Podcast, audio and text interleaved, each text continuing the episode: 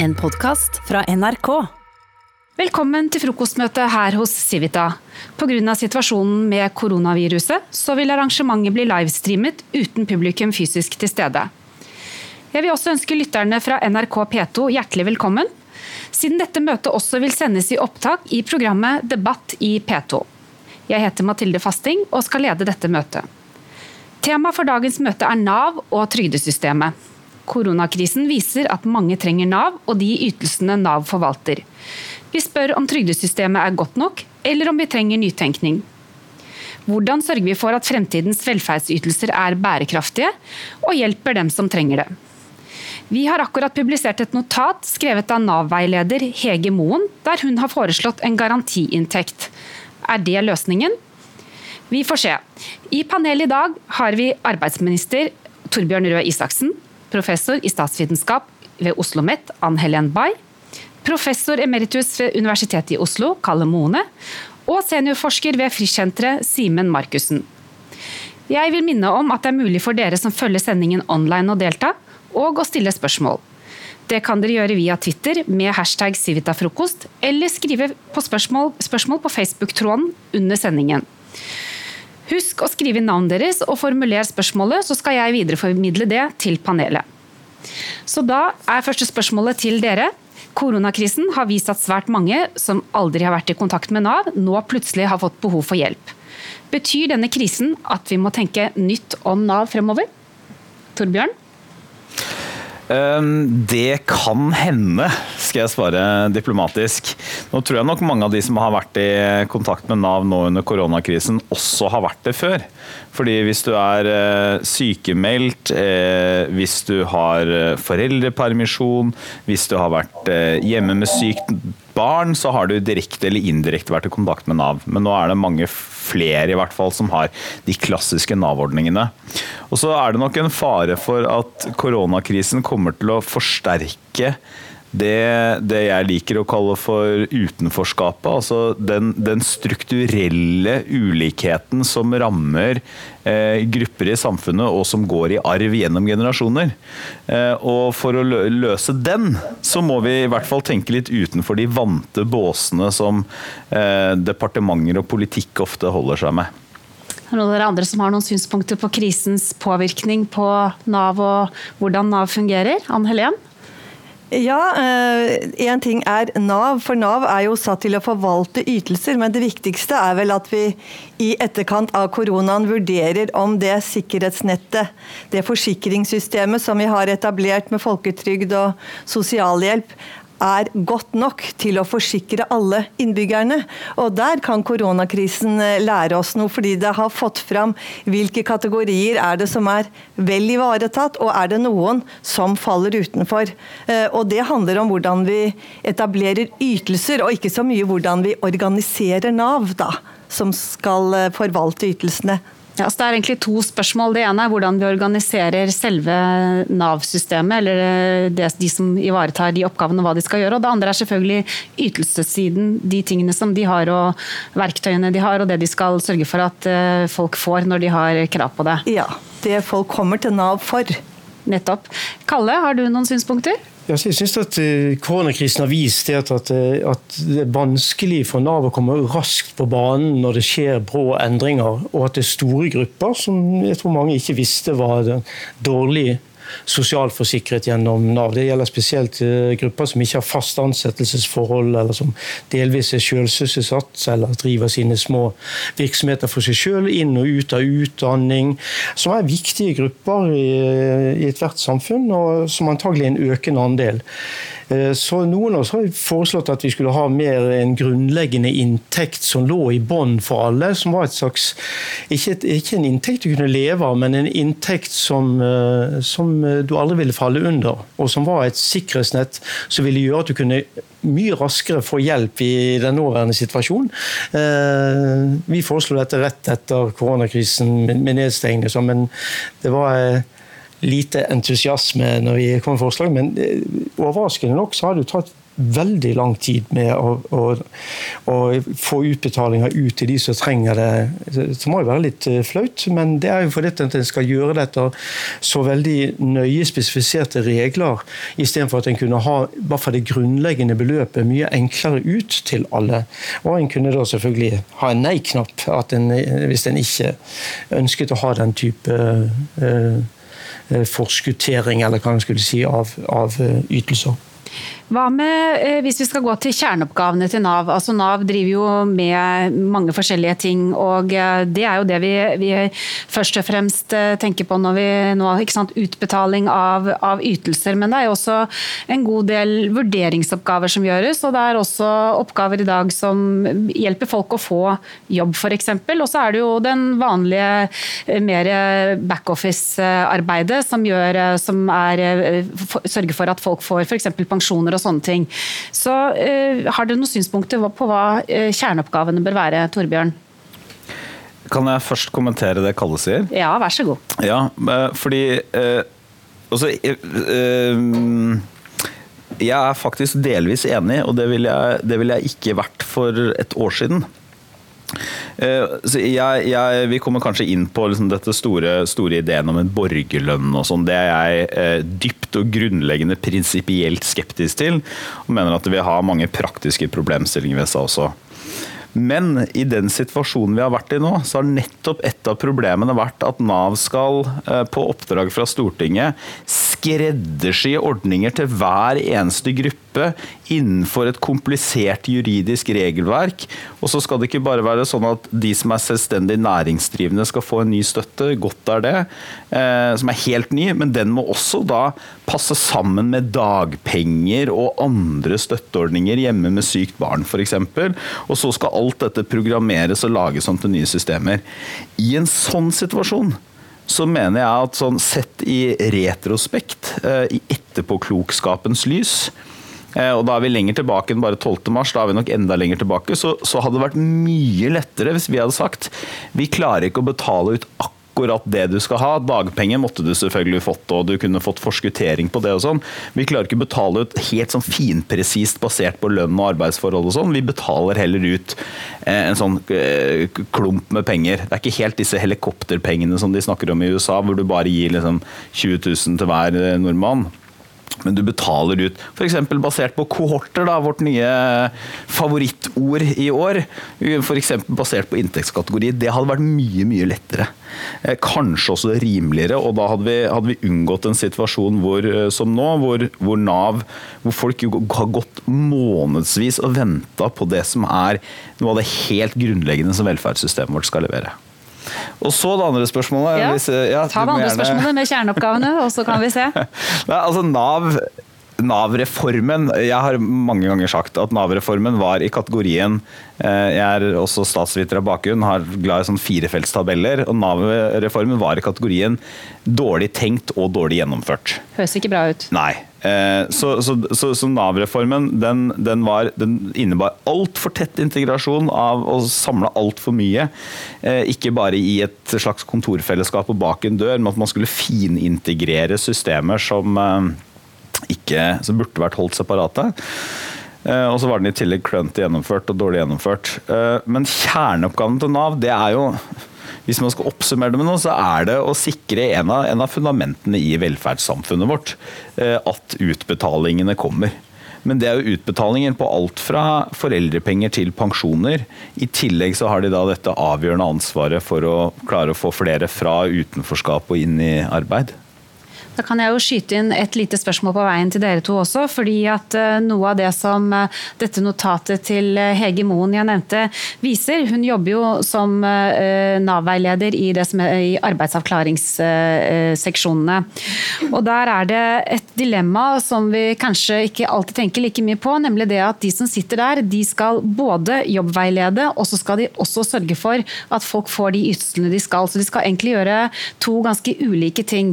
Skal de sørge for at folk blir uføretrygdede slik at de får en ytelse som de absolutt trenger, eller skal de presse på så folk uh, kommer seg ut i jobb og ikke får den ytelsen? Og Begge de to tingene skal de da ivareta samtidig.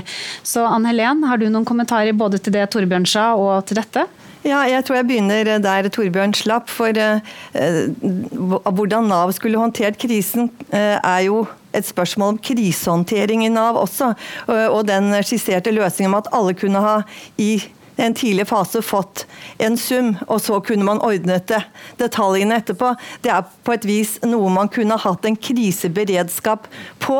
Eh, men den andre diskusjonen er hvordan sikrer vi grupper som vi nå ser egentlig ikke omsluttes av sosialforsikringssystemet vårt, og, og, Kalle har allerede vært inne på det.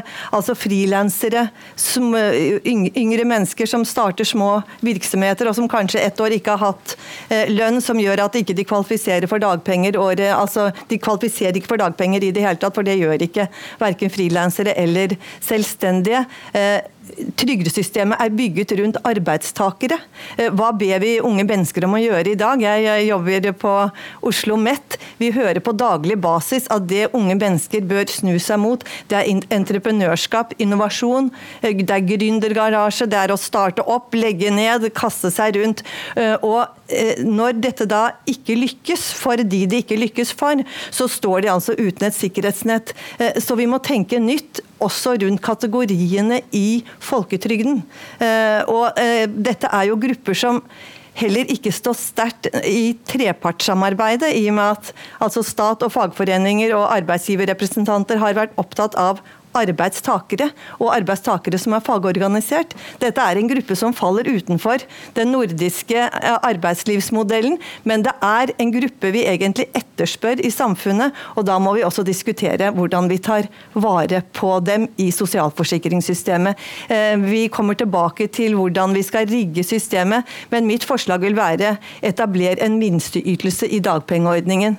Og så tror jeg også at vi bør vitalisere dagpengeytelsen ytelsene, og se om det er noe vi kan gjøre eh, med forholdet mellom dagpenger og de helserelaterte ytelsene.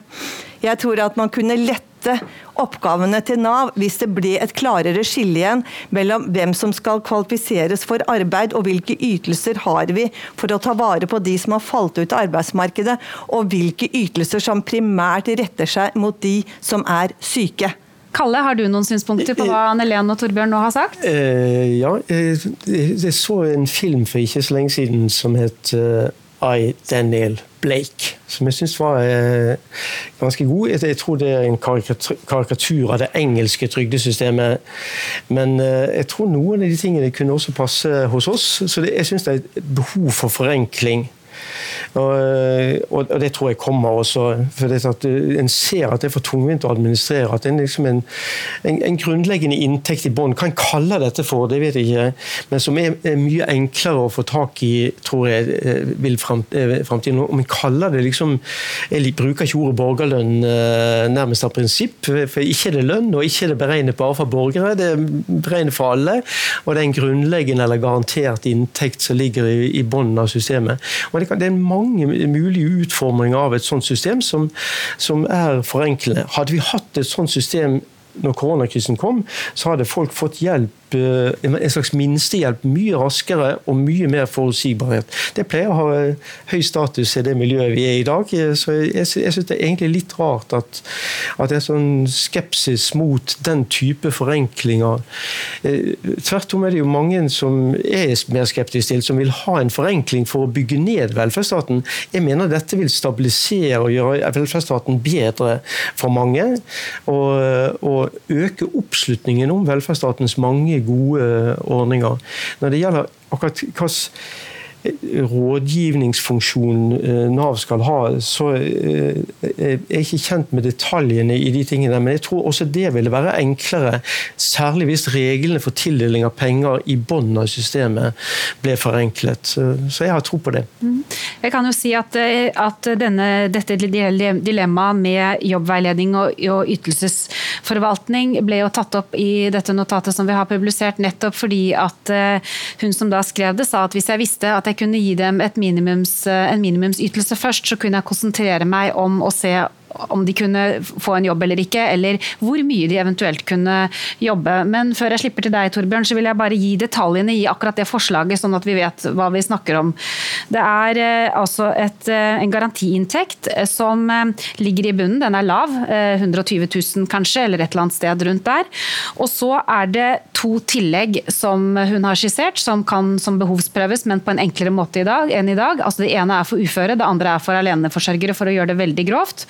Og til sammen, hvis du mottar eh, både tilleggene og denne minsteytelsen, garantiinntekten, så kan du få opptil 370 eller rundt, eh, rundt, der et eller annet sted, som er maks av hva du i dag får som uføretrygdet. Så sier hun i tillegg at for at ikke dette skal misbrukes, så blir du avkortet dersom du tjener mer enn 370. Og det spiller ingen rolle om det er garantiinntekt, stønad eller om det er arbeidsinntekt. Det er den totale inntekten din, uansett hva den består av, som avkortes, garantiinntekten avkortes da over et visst beløp, slik at det vil da ikke være interessant for mennesker som tjener vanlige lønnsinntekter over dette beløpet, å utløse noen garantiinntekt, fordi de vil da bare bli avkortet med den med en gang. Så bare så da er det, det er det som er forslaget i notatet. Men Torbjørn, du hadde en kommentar til eh, Kalle. Ja, um, eller egentlig til hele, hele sånn problemkomplekset. Altså, det er ikke noe tvil om at Nav er, NAV er uhyre uh, komplisert, og trygdesystemet vårt uh, er komplisert. Uh, og, og, sammenhengen mellom de forskjellige ordningene er komplisert. Og I tillegg så har jo offentlig sektor som, som alle sektorer som er Eh, har rekruttert mange jurister, har fortsatt en tendens til å bruke et språk som også er ekstremt komplisert og fremmedgjørende. Men så er det også noen, noen ting som jeg mener vi skal være litt sånn varsomme å kaste på båten. Og En av de er eh, at ja, selv om det er sånn at trygde- eller ytelsessystemet vårt ikke fanger alle, så er det en stor verdi at det er knyttet nettopp til arbeidstaker og arbeidstakerrollen. Og jeg er nok ikke, eh, er nok ikke der eh, ennå at jeg, jeg, tror på altså Selv om det, vi har denne store diskusjonen om prekariatet og det vokser frem en ny type måte å jobbe på, og sånn, og det stemmer særlig i, i noen større byer, så er det fortsatt sånn at det å ha en arbeidsgiver og være ansatt eh, er den, den overveldende hovedmodellen i det norske arbeidslivet. Og så er jeg litt, er jeg litt sånn skeptisk til en sånn minsteinntekt. For det første fordi at, for for det første fordi at på en måte har vi det allerede. Altså det vil si Alle som oppholder seg i Norge, kan komme til Nav og søke om sosialhjelp. Eh, hvis man får utbetalt sosialhjelp, så er det veiledende satser. Eh, der vil ofte være et tillegg for barn. Eh, det vil være ganske strenge begrensninger på hvem som kan få det, og det vil være en sterk behovsprøving. Så problemet med sånn garantiinntekt det er egentlig at du bare tar sosialhjelpen. Eh, selv om da, hun foreslår det i en litt annen fase, men, du, men du tar, hvis du tar det generelt, så tar du bare sosialhjelpen, og så fjerner du alle vurderingene vi har knyttet til det. Og Det som er vanskelig, og det kan sikkert Simen, eh, som jeg ser eh, nå har kommet tilbake igjen på skjermen, si noe om. og det er at I det øyeblikket du lager en type vente ventegarantiinntekt for å bli avklart for en annen ytelse. Eh, så er det, ikke, det er ikke gitt at det i seg selv skaper Jeg skjønner at det vil være enklere for saksbehandler som står i et dobbeltpress, men at det i seg selv på sikt skaper det vi ønsker, nemlig at flest mulig skal bli avklart raskt, og at det skal være mulig, selv om ikke mennesker er så enkle, at du skal klare å, at du skal komme i kategorien enten for syk til å jobbe, for å si det litt enkelt, eller så syk at du skal ha ytelse, eller at du skal da hjelpes tilbake i arbeidslivet. Da tror jeg vi får slippe til Simen. Simen, nå hører du og ser du oss. Nå hører jeg dere! Ja, det er godt.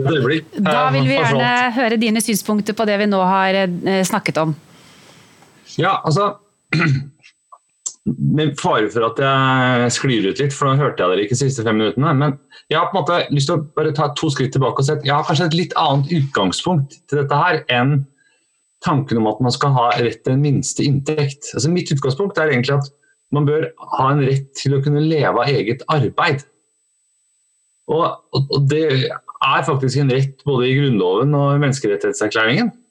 Og så kan man selvfølgelig så tar det ikke mange minuttene man tenker over det før, man, før det dukker opp det samme problemet. Hva med dem som da ikke har arbeid? Og De må da få hjelp til å finne jobb og de må få hjelp til å finne noe å leve av i mellomtiden. Men jeg tenker Utgangspunktet vårt bør være å, prøve å ha et system som skal hjelpe flest mulig ut i jobb. og Det er liksom kjerneoppgaven til Nav. Og så må det da være selvfølgelig å sørge for inntektssikring for dem som ikke er i stand til det. Men det viktigste problemstillingen her tenker jeg er på mange måter at det er en ganske stor gruppe som kunne vært i jobb dersom man har dersom vi har et virkemiddelapparat som legger til rette for det, dersom vi f.eks. er villig til å bruke lønnstilskudd eller andre virkemidler i stor grad. Og jeg tror et, et, system der vi tenker at Nav kun skal drive med inntektssikring, og ikke aktivt få folk ut i jobb, tror jeg blir enten et veldig kostbart system eller et, eh, et veldig dårlig forsikringssystem, fordi det vil måtte bli veldig lite sjenerøst. Når det gjelder dette med dobbeltrolle, så har jeg bare lyst til å si en ting. at Jeg tror den, jeg skjønner veldig godt problemstillingen med dobbeltrolle. Det er den samme problemstillingen som f.eks. leger står i. Og, og, det å fjerne den dobbeltrollen fra Nav blir, tror jeg, bare å skyve den enda mer over til helsevesenet. For at akkurat på samme måte som en Nav-veileder skal ha doble roller, så vil en lege ha det, som både skal behandle og hjelpe på ene siden, og på andre siden være portvokter til velferdsordningene. Så den, den rollen er vanskelig å komme utenom hvis vi ønsker å ha et slags differensiert system mellom dem som sagt litt vulgært, da, mellom dem som ikke kan og dem som ikke vil jobbe. NRK P2 sender aktuelle debatter fra ulike scener i landet. Du hører Debatt i P2. Skal vi se, eh, da var det Kalle først, og så tar vi Torbjørn og Anne Len. Kalle. Jeg syns alt dette er interessante og viktige synspunkter som er kommet eh, rundt eh, hele panelet. Bare minne om Historisk så var det faktisk sånn at arbeiderbevegelsen de var for behovsprøving. Velferdsstaten det skulle være å ta fra de rike og gi til de fattige. Det skulle ikke være ytelser som var til folk som hadde over gjennomsnittlig inntekt i samfunnet. Det var den grunnleggende ideen til arbeiderbevegelsen. Mens arbeidsgiverne, f.eks. veldig klart i Sverige, men også i noen grad i Norge, gikk inn for at dette var en ordning som ville forhindre at folk kom ut i arbeid. De var redd for at en sånn behovsprøvd ordning, der du mister trygden hvis du går fra å være eh, ikke aktiv til å bli aktiv, at den, den skatten som det innebar at du mistet trygden, det ville bremse arbeidskraftstilbudet. Derfor var svenske arbeidsgivere, og jeg tror i noen grad det samme skjedde i Norge, veldig for universelle ordninger som ikke var i samme grad inntektsavhengige, ikke i samme grad behovsprøvd. Selvfølgelig er det noe av dette fortsatt, men universelle ordninger, det var prinsippet. Det var en ting som så støttet arbeiderbevegelsen seg på dette, og så sa de at dette var at de ville ikke ha et samfunn der den skulle ha de som bidro, det var én gruppe, mens de som fikk fra en annen gruppe, så fikk de den inn i en ny, mer ideologisk eh, forståelse av samfunnet og sånt. Det som hadde vært et mer praktisk synspunkt fra arbeidsgiverne. Og det er klart at Universelle velferdsordninger som vi har i høy grad i Nord-Europa, særlig i Skandinavia, det er i slekt med garanterte minsteinntekter. Det er i slekt med det er mye mer eh, naturalytelser, tjenesteleveranser til, til den enkelte, men de er i slekt. Jeg tror at en, en reform i dag bør at noe av dette bør være mer eh, kontantbidrag som ligger i bånn. Så noe av dette går som universelle bidrag til alle. Og jeg kan ikke skjønne at, det, at, det, at dette skal være stort tap å ha dette. Eh, at en skal liksom straffes, eh, at det skal være veldig store kostnader. For en har noe av disse elementene allerede. Og en, en, en sparer mer på administrative kostnader, og en gir større verd til den enkelte. Samtidig som gevinsten av å gå ut i arbeid er akkurat like stor som før. For det at en får hele gevinsten av å gå ut i arbeid, for alle får jo den grunnleggende inntekten uansett. Så du har ikke den skattefellen som, som eh, mange var redd for, arbeidsgiverne i Sverige særlig, eh, på 30-, 40-, 50-tallet i diskusjonen da. Det er det Torbjørn? Jeg, jeg tror, eh, ja. altså, den, den, diskusjonen universell eh, behovsprøvd er veldig interessant. og der ser jeg jo Paradoksalt nok så, så for, for, for min egen del så har nok jeg flyttet meg fra å være eh, tilhenger av flere behovsprøvde ytelser til å se verdien i de universelle ytelsene. Rett og slett fordi at det er veldig vanskelig å bygge opp behovsprøvde ytelser som ikke lager fattigdomsfeller. Dvs. Si at du dunker. ikke sant? Du, eh, går, plutselig kommer du ut i jobb eller du tjener mer, og så taper du en rekke behovsprøvde ytelser. Eh, paradoksalt nok så er det jo store deler av, hvis du ser på debatten på borgerlig side, så er det jo ganske sterkt push der for mer behovsprøvde ordninger. Eh, altså at man går tilbake til det som da, som helt riktig sier Kalle, eh, i gamle dager var arbeiderbevegelsens politikk mot da de borgerlige partiene som bl.a. slåss for at du skulle slippe, slippe uverdigheten ved behovsprøvd barnetrygd, var en av kampsakene etter krigen. Eh, proble problemet med innfallsvinkelen, tror jeg, det er for det første så er det sånn at det som skaper Altså selv om akkurat nå, eh, med 450 000 ledige og permitterte, eller i hvert fall som har søkt om dagpenger, pluss selvstendig næringsdrivende og frilansere og studenter og lærlinger og en rekke andre grupper som akkurat nå har fått nødløsninger, så virker det som om hovedproblemet til Nav er liksom ren administrasjon for å få pengene ut. Det tror jeg til en viss grad er et forbigående altså det er et forbigående problem, rett og slett for at disse løsningene kommer til å bli digitalisert. Eh, foreldrepenger er digitalisert nå. Eh, sykemeldingspraksisen er digitalisert. Alt dette kommer ikke til å kreve så mye manuell saksbehandling. Så det vil si at det store problemet og utfordringen for Nav fremover, det er hvor mye tid, krefter og penger bruker vi på de som skal avklares til et eller annet. De hvor, eh, som Markussen sier, litt sånn uh, sjablongmessig, da. de hvor vi skal skille mellom uh, Jeg vil ikke si vil ikke jobbe eller kan ikke jobbe, men si de som er syke, og de som vi skal hjelpe tilbake ut i arbeidslivet. Og det klarer du ikke å, å, komme deg unna selv om du lager enklere og min, mer universelle ordninger. Eh, snarere tvert imot så risikerer du da å bare sementere de forskjellene som er. Så jeg vil nok, hvis jeg skal, eller når jeg skal tenke høyt, så ville jeg mye heller tenkt eh, tjenester framfor ytelser. Eh, og da tror jeg ikke vi kan gå Da tror jeg dessverre at vi ikke klarer å heller ikke burde lage helt universelle ordninger. Eh, F.eks. det å ha enda mer tilgang til barnehage, enda mer tilgang til, eh, til eh, barnepass. Eh, bygge tjenester og støtteapparat rundt den enkelte som gjør det så lett som mulig å kunne gå ut i jobb. Ikke minst for, for foreldre som har barn som krever ekstra ressurser og har ekstra tilretteleggingsbehov. Og da tror jeg vi trenger eh, ja, da, da, tror jeg en sånn minsteinntekt tror jeg rett og slett bare er et, et, et feilspor. Selv om jeg da innrømmer at, eh, at i, nå i denne koronakrisen så hadde det vært en veldig nyttig måte å gjøre det på. Det tror jeg sånn i ettertid. Da er det Anne Len, og så slipper vi til Simen etterpå. Ja, Vi snakker om at uh, trygd er vanskelig, og, og, vanskelig å forstå for de som skal høre på debatter, og vanskelig å lage politikk fordi det er så mange hensyn involvert.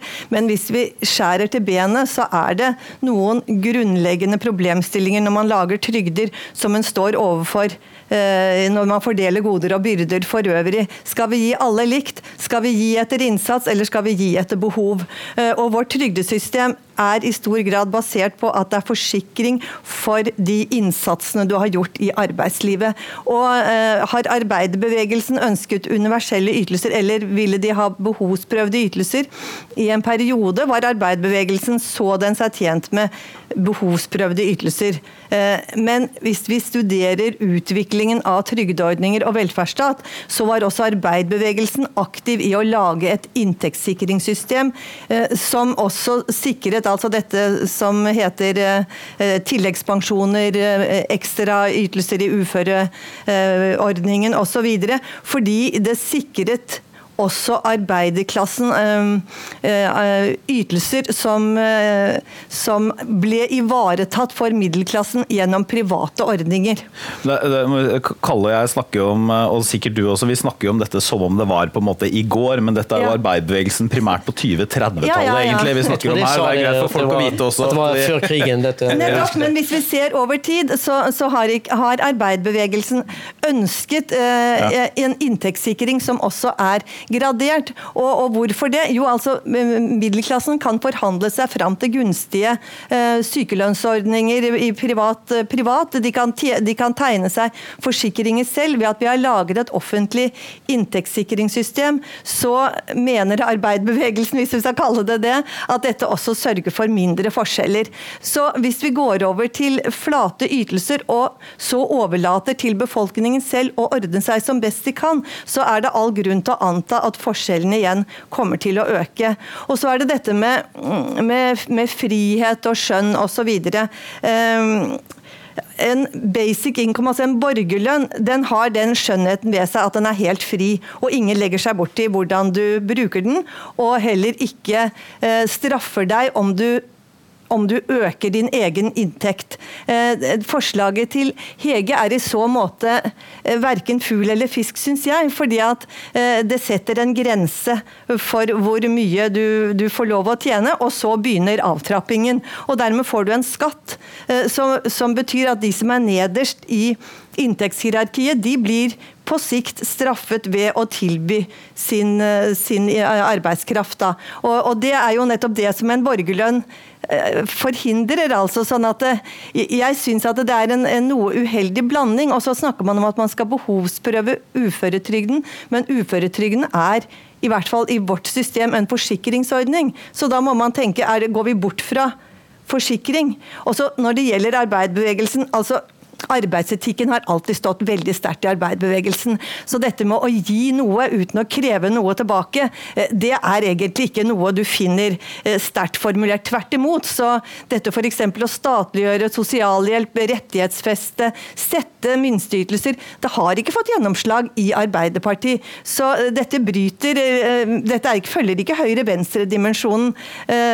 Så, så det er mer komplisert enn som så. Jeg vil anbefale deg, Torbjørn, å innføre minsteytelser i dagpengeordningen, sørge for at f.eks. unge mennesker som har eh, ramlet ut enten av utdanning eller arbeid, ikke søker seg mot sykelønn og uførepensjon, men kommer inn i en dagpengeordning hvor du også får aktiveringstilbud fra dag én. Det gjør du ikke på samme måte med sosialhjelp. Nei. En kort kommentar fra deg før vi tar inn Simen. Og, og det, det, mener jeg er også altså Ved siden av at vi i koronakrisen skulle vi, hadde vært nyttig med en sånn type minsteinntekt. Eh, ting, så det er en tanke som jeg mener er god. Og, og, altså alt er verdt å diskutere videre, men som er verdt å forfølge også. Det er for at vi ser at hvilke ordning du havner i hos Nav, har også noe å si for forløpet ditt. Det vil si at det har mye å si om du havner i eh, Selv om du er den samme, ikke sant? men havner du, eh, er du en som havner på dagpenger, så har du ofte et annet forløp enn hvis du havner på det vi kaller en eller annen helserelatert ytelse. Eh, så det er det, det, er det ene. Det andre er at jeg syns jo det du sier nå, er jo, er jo noe av eller egentlig veldig godt oppsummert noe av begrunnelsen for hvorfor velferdssystemet vårt er bygd opp som det er. Eh, og hvorfor disse ordningene ikke er knyttet til bare deg som borger. Det er knyttet til deg og din rolle som arbeidstaker. Og det er grunnen til at hvis du har vært i jobb, så får du en uføretrygd basert på inntekten din, fordi at eh, da har du vært i arbeid, og det er det som forsikringsordningen knytter seg til. Har du derimot aldri vært i jobb, så får du også muligheten til å få en uføretrygd, men den er på et helt annet nivå. Og det er klart, Hvis du ser på i et mer sånn borgerpers eller enkeltpersonsperspektiv, så er ikke det nødvendigvis rettferdig, hvis man ser på, eller rimelig, hvis man ser på det som mer et, et system som skal bygge opp under det vi da kaller arbeidslinja. Eh, altså at samfunnet og, eh, og vi alle er tjent med at flest mulig er i jobb. Så er den måten å tenke på tror jeg ganske fornuftig. Simen, ja, altså jeg er enig i veldig mye av det um, som blir sagt her. og ja, altså Jeg tenker at på mange måter så kunne vi erstattet de store ordningene i dag, eh, i dagens Nav, med én ytelse. Så vi, det er ikke nødvendig å ha, tror jeg, da, eh, kanskje noe supplerende sosialhjelp, men sosialhjelp, dagpenger, arbeidserklæringspenger, uføretrygd kunne vært erstattet av en ytelse med en minsteytelse og en form for standardsikring kobla mot tidligere inntekt. Det ville gitt mye færre grenseflater mellom ulike ytelser, som tror jeg gjør det lettere både for brukere og for Nav. Eh, fordi man slipper å, å, å prøve folk inn og mellom de ulike ytelsene. så kunne man heller hatt fokus på det å hjelpe folk ut i jobb. Men vi er på en måte nødt til å jeg, jeg tror at vi, vi, kan ikke snakke om dette bare som et, eh, som, som et slags inntektssikringsproblem. for at hvis vi ser liksom siste, hvis vi spoler frem fra 20-tallet altså ser på de siste utviklingen de siste 20 årene, så, så er, er, den store utfordringen at vi får stadig flere på helseytelser. Vi har på en måte gjort om utenforskapsproblemet til å være et ledighetsproblem, til å være helseproblem. Det tror jeg i stor grad er systemskapt. Men det dreier seg nok også om at mange er i en situasjon der de ikke klarer å leve opp til de produktivitetskravene som er i arbeidslivet. Og Da hjelper det på en måte ikke om de har arbeidsinsentiver, hvis ikke det finnes jobb. Hvis ikke det finnes arbeidsgivere som er villige til å ansette dem, eh, med det lønnsnivået som arbeidsgiveren må betale, og det, den produktiviteten de har å tilby, så får de ikke jobb. Og Det problemet tenker jeg vi har måtte nødt til å gjøre noe med. Og ikke tenke at vi bare skal betale en ytelse, men også forsøke å aktivt få flere ut i arbeid. Og Da tror jeg vi må bruke atskillig mer radikale virkemidler enn vi har vært villige til å gjøre til nå. Eh, du, jeg husker Vi har sittet i et, et, utvalg som foreslo en forenkling av eh, alle familietrygdene. Dette er ikke, ikke arbeidsavklaringsting og sånne ting, men det er alt som støtter familier. og Da er det mange forskjellige tillegg som varierer avhengig av om man har uh, uføretrygd i bånd, eller om man har andre ting i bånd. Og du og jeg, Simen, vi foreslo en forenkling der for å samle disse og prøve å gjøre ytelsene, ytelsene ytelsene mer skal vi si, ikke så oppdelte, men, men, men, enklere.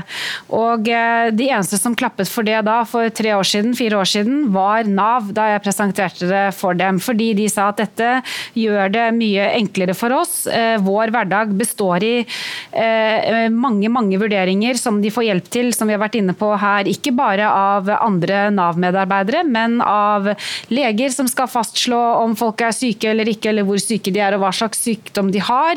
Eh, det kan være behandlere, alle mulige ting. Så hele Nav-systemet er også avhengig av et stort stort apparat rundt som avgjør eh, disse behovsprøvingene. Så før jeg tar inn deg, Torbjørn. Eh, Simen, er det noe i den retningen du også kunne tenke deg å gå? Det å forenkle, på, er det det du mener? At vi, at vi ja. Jeg tror, jeg, altså, jeg tror, det hadde vært en vesentlig forenkling hvis vi hadde erstattet si, dagens dagpengeordning, sosialpengeordning, arbeidsavklaringspenger, uføretrygd med én ytelse. Så det som skiller dem, er jo i veldig stor grad det er noen ulike inngangskriterier eh, med diagnosekrav og sånne ting. Eh, og så er det ulik varighet, og så er det helt ulike opptjeningsregler. Men ytelsen man får er ikke så ulik minstenivået i arbeidsavklaringspenger det er jo skattepliktig, så forskjellen mot det mot sosialhjelp er ikke så veldig stor for en gjennomsnittlig mottaker.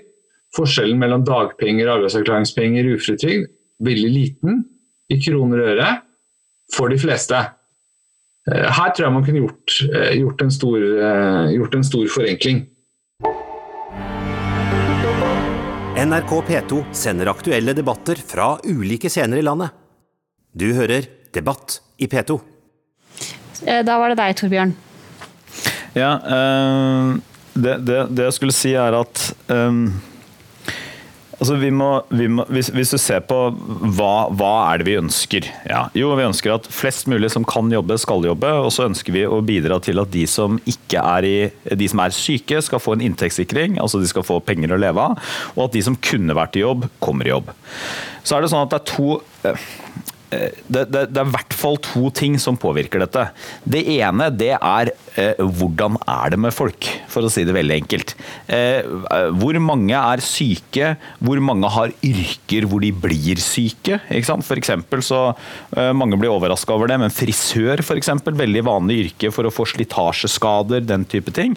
Det er den ene tingen. Den andre tingen er at Måten vi organiserer våre ytelser på, eh, og Nav-systemet på, skaper i seg selv eh, problemer for, gjennom måten vi kategoriserer og uh, følger opp og betaler ut penger til folk på.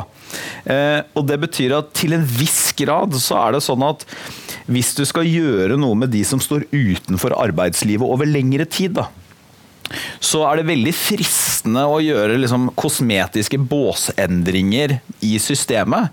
Men sjansen er ganske stor for at hvis du trykker et eller annet sted der, så er det mennesker som bare eh, dukker opp et annet sted. Altså eksempel, hvis eh, hvis du er for streng og skjerper kravene for mye på en nasjonal ordning, så blir det flere som, som kommer og søker om sosialhjelp f.eks. Og Det betyr at egentlig, og Simen er litt inne på det, Markussen er litt inne på det når han sier, eh, sier dette med at uh, vi, må, vi, må, se på hvordan, hvordan arbeidsmarkedet kan stimuleres og flere jobber må komme til. Egentlig så betyr dette at vi er nødt til å adressere ikke bare Nav-systemet og den boksen, men de grunnleggende årsakene til at, uh, til at det er mennesker og familier og miljøer og generasjoner som blir gående i dette utenforskapet over tid. Og da er vi på litt mer enn bare om uføretrygden skal ligne på dagpengeordningen. Da snakker vi om utdanning, byutvikling, vi snakker om hvordan velferdssystemet henger sammen med eh, utdanningssystemet vårt. og En rekke store problemstillinger som jeg tror vi er nødt til å, å adressere på en helt annen måte. Rett og slett fordi at vi vi ser konturene av nå eh, i Norge det som vi i verste fall kan kalle en, en, permanent underklasse, altså en ny permanent underklasse. Ikke som på 20-tallet hvor det var 30 eller 40% av befolkningen, men en fast gruppe som står i utenforskapet, ikke bare i, i, perioder i livet, men gjennom livet og gjennom generasjoner. Og som i tillegg bor i bestemte områder, og dermed skaper eh, ekstremt eh, ja, vanskelige vilkår, rett og slett, eller store problemer for, for, både seg selv og for samfunnet som sådan.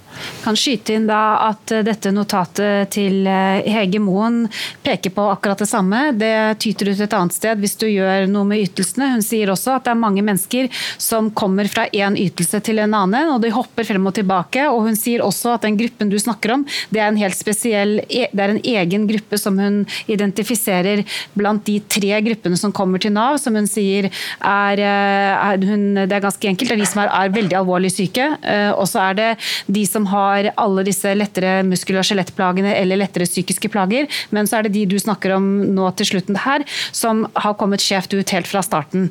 Så, bare, så det er hennes eh, utgangspunkt. Ja, og det, og det, gjør jo det fordi at dette er jo ikke, ikke dette er jo ikke en masse, dette er jo ikke tall, dette er jo mennesker. ikke sant? Og for hver, for hver enkelt person og i hvert enkelt møte med Nav, så vil så vil det være sånn at man selvfølgelig gjør det man kan for å, for å finne en måte å kunne håndtere eksistensen og tilværelsen sin på. Eh, sånn må det være, og sånn skal det være. Eh, men det er bare noe som eh, vi som sitter og diskuterer dette litt overordnet også må huske på. Jeg har et spørsmål som jeg slenger med før dere andre svarer. Det er fra Twitter. Kari Sofie Småland sier utgiftsnivået i Norge varierer veldig i forhold til hvor man bor. Det er ingen tvil om at det er dyrere å bo og leve i storbyene. Er det noen tanker om å differensiere ytelsene gjennom en slik grunnytelse som diskuteres i panelet, nemlig at det kan være dyrere å bo her i Oslo enn f.eks. i Valdres. Eh, så dere kan ta med det som et lite moment. Først eh, Ann Helen. Jeg overlater det siste spørsmålet til Kalle, som da er den som mest intens intenst forsvare borgerlønn eller, eh, eller en, eh, en uforbeholden minsteytelse. Men vi diskuterer jo også veldig forskjellige ting her. altså Utenforskap, grupper som aldri kommer inn på arbeidsmarkedet. At vi må passe på å ikke stille oss i en slik situasjon. Det er jo grupper med helt andre behov enn grupper som tilhører på et vis samme segmentet som oss selv. Som har vært i arbeid i mange år og som står i fare for å falle ut fordi vi får slag eller kreft eller altså en del av det som som ofte følger med det å ha levd et liv i noen tiår. Og jeg tror at begge disse grupper representerer betydelige utfordringer for Nav-forvaltningen, men utfordringene er veldig ulike. Eh, så jeg tror også at vi må tørre å adressere de forskjellige utfordringene som Navs brukergrupper står i, og ikke snakke om dette som om det er én type løsninger som passer alle. Eh, og dette med å harmonisere eh, dagpenger og de helserelaterte ytelsene, eller i hvert fall å se dem i sammenheng, eh, tror jeg er veldig fornuftig. Et ungt menneske som mm, ikke har kommet inn i arbeidsmarkedet, og som kan enten altså ha noe dysfunksjonelt, enten sosialt, eller ha eh, noe som gjør at vedkommende er arbeidshemmet, eh, har alt å tjene på å få en uførediagnose før vedkommende er 26 år, fordi da får du altså en betydelig høyere uførepensjon enn om du får den etter at du er 26 år. Hvis vedkommende da kommer inn i et løp for å få en diagnose, så, har, altså, så er det en stor gevinst i å fortsette på den veien, framfor å prøve å komme inn i dagpengeordningen, for der kan du være i ett, høyest to år. Og hva er endestasjon for dagpengeordningen hvis du ikke kommer i arbeid? Det er sosialhjelp. Eh, så, så, det er veldig viktig at vi lager ytelser som fanger opp de som ikke kommer inn i arbeidsmarkedet. og Da, da tror jeg at løsningen er en minsteytelse koblet til en automatisk tilgang til aktiveringsprogrammene i Nav. Og så tror jeg at vi må diskutere disse som eh, ligner på oss selv, for å si det slik, som, eh, som har muskel og skjelett og alt dette. Det er helt andre grupper av, av mennesker, og det er kanskje personer som har vært svært dedikert til sitt arbeid mens de har vært friske. Og så nærmer de seg eh, rundt 60 år, og så får de en eller annen vondt. Og så har de liten firus for å bli plassert uh, i en i del av sin restarbeids... for å utnytte sin restarbeidsevne i en sektor av arbeidslivet hvor de overhodet ikke har befunnet seg tidligere. Det er rett og slett en helt annen problemstilling, og det må vi tror jeg tørre å se i hvitøyet for å skjønne hvilke utfordringer både Nav og vi som samfunn står i her. Eh, og I gamle dager, altså da man på 70-tallet innførte mm, syk, full sykelønn, så hadde, at man skulle altså få kompensert hele sin lønn eh, ett år, så hadde man en forestilling om at det å være syk det var å være syk. Det var ikke at man hadde valgt en eller annen tilpasning, eller at man eh, hadde en ganske stor restarbeidsevne som, som en enten ikke ville bruke, eller som ingen ville ta i bruk. det er nok riktig at det er mange som, som blir sykemeldte som kunne ha vært i arbeid og, og, og, brukt seg selv, kanskje også på andre deler av, samfunn, eh, av yrkeslivet. Men vi skal i hvert fall være klar over at det vi krever av disse, det er noe helt, helt annet enn de utfordringene som det er å få de som ikke har kommet inn i arbeidsmarkedet overhodet. Eh, da vil jeg gjerne ha noen kommentarer fra deg, Kalle, og så fra Simen. Og så kan jeg slenge inn også eh, et spørsmål eh, om det er på tide nettopp å se på sykelønnen. For vi vet at vi snakket om helseytelsene og dagpengene, og sykelønnen er det første du møter når du, når du går inn på helsesporet. Så da slenger jeg med det som et spørsmål, og så kan Kalle og Simen komme inn, og så dere etterpå. Kalle? Ja, jeg ble vel spurt direkte om, eh, om jeg syns det ville være en god idé å differensiere en grunnleggende inntekt alt etter kostnadsnivået i det geografiske området en bodde. Ja. Eh, jeg tror ikke det er en så veldig god idé. Eh, for det første så strider det mot at det, at det skal være en grunnleggende inntekt som i prinsippet er den samme. Det strider også mot en forenklete prinsipp at dette skal ikke være stor administrativ byrde knyttet til utbetaling dette. Men det kan jo være tillegg, tilleggsytelser ytelser. Eh, altså Det betyr jo ikke, hvis en har en grunnleggende inntekt, at det ikke er andre ytelser i velferdsstaten. Det å differensiere etter geografisk område er det samme. altså Lønnen i staten f.eks. er normalt den samme, uavhengig av hvor du bor henne, men kostnadsnivået varierer. Lik lønn for likt arbeid er også et prinsipp som følges noen steder. og Det gir høyere reallønn der det er billigere å bo. Så, så, så dette er ikke noe som er spesielt for, eh, for grunnleggende inntekt. Og Jeg tror ikke en skal liksom bygge for mye inn i det, for da blir det en, en grunnleggende inntekt som som liksom skal være et forenklet prinsipp, og så blir det veldig komplisert. Eh, kanskje jeg får anledning til å komme inn tilbake til noen andre ting som en, jeg forsto det som at du ville ja, ha en du runde kan, på. Du kan bare fortsette en stund til. Nå må vi bare legge til at den grunnleggende inntekten du snakker om, og også Hege Moen har foreslått, det er et, et, du kan ikke leve av den. Du må ha noe annet i tillegg. for jeg, Dette forslaget som ligger her er 120 000 i året, og, og det er ikke ment som Det er litt over, eh, over sosialhjelpen, da, og så, er det, så det ligger på et, på et nivå som er noe høyere enn det. Det ligger faktisk på nivå med det en student får utbetalt omtrent fra Lånekassen podkasten i, i, året. Så, men du så, kan fortsette litt til, og så gir vi ordet til Simen. Jeg syns dette er et uh, godt prinsipp. Uh, når jeg snakker, så tenker ikke bare på uh, Moens Han heter nesten det samme som meg, uh, og han har nesten foreslått det samme som meg. Så, så jeg, jeg, tenker ikke bare på det, jeg tenker litt mer prinsipielt. Og, sånn, og jeg tror detaljer i et sånt system, det, det, det er uh, viktig at det er en politisk diskusjon om, omkring de tingene. det er ikke så viktig hva vi måtte mene om det, vi er jo ikke ansvarlige for noen. Vi, så her, dette er mer ideenes verden og sånn, som er en viktig verden. jeg skal bare si en ting. At Eh, eh, Erling Barth og Henning Finnsås vi undersøkte liksom støtten til velferdsstaten. Eh, alt etter hvor du plasserer det i inntektsfordelingen. og Vi gjorde det både i Norge og i USA. Og Det er interessant, for det er veldig forskjellige samfunn. Hvor du plasserer det i inntektsfordelingen den holdningen du har til det, og hvordan din utvikling er over tid, når inntekten i hele inntektsfordelingen endres, altså samfunnet blir rikere og rikere. Det som er prinsippet er ganske interessant. På et gitt tidspunkt så er mønsteret sånn at jo høyere opp du er i inntektsfordelingen, jo mindre velferdsstat ønsker du. Jo mindre sosialforsikring ønsker du, jo mindre omfordeling i velferdsstaten ønsker du. Men utvikling over tid er det mest interessante. For hvis du blir rikere i en gitt posisjon i samfunnet, altså en relativ posisjon i samfunnet, når den posisjonen blir rikere og rikere over tid, så ønsker du mindre omfordeling, men mer sosial forsikring. Dette er akkurat det samme i USA eh, som i Norge. Og det, at, at det virker som at omfordeling er, slags, det er et gode en ikke ønsker mer av når du blir rikere. Det er ikke så vanskelig å forstå.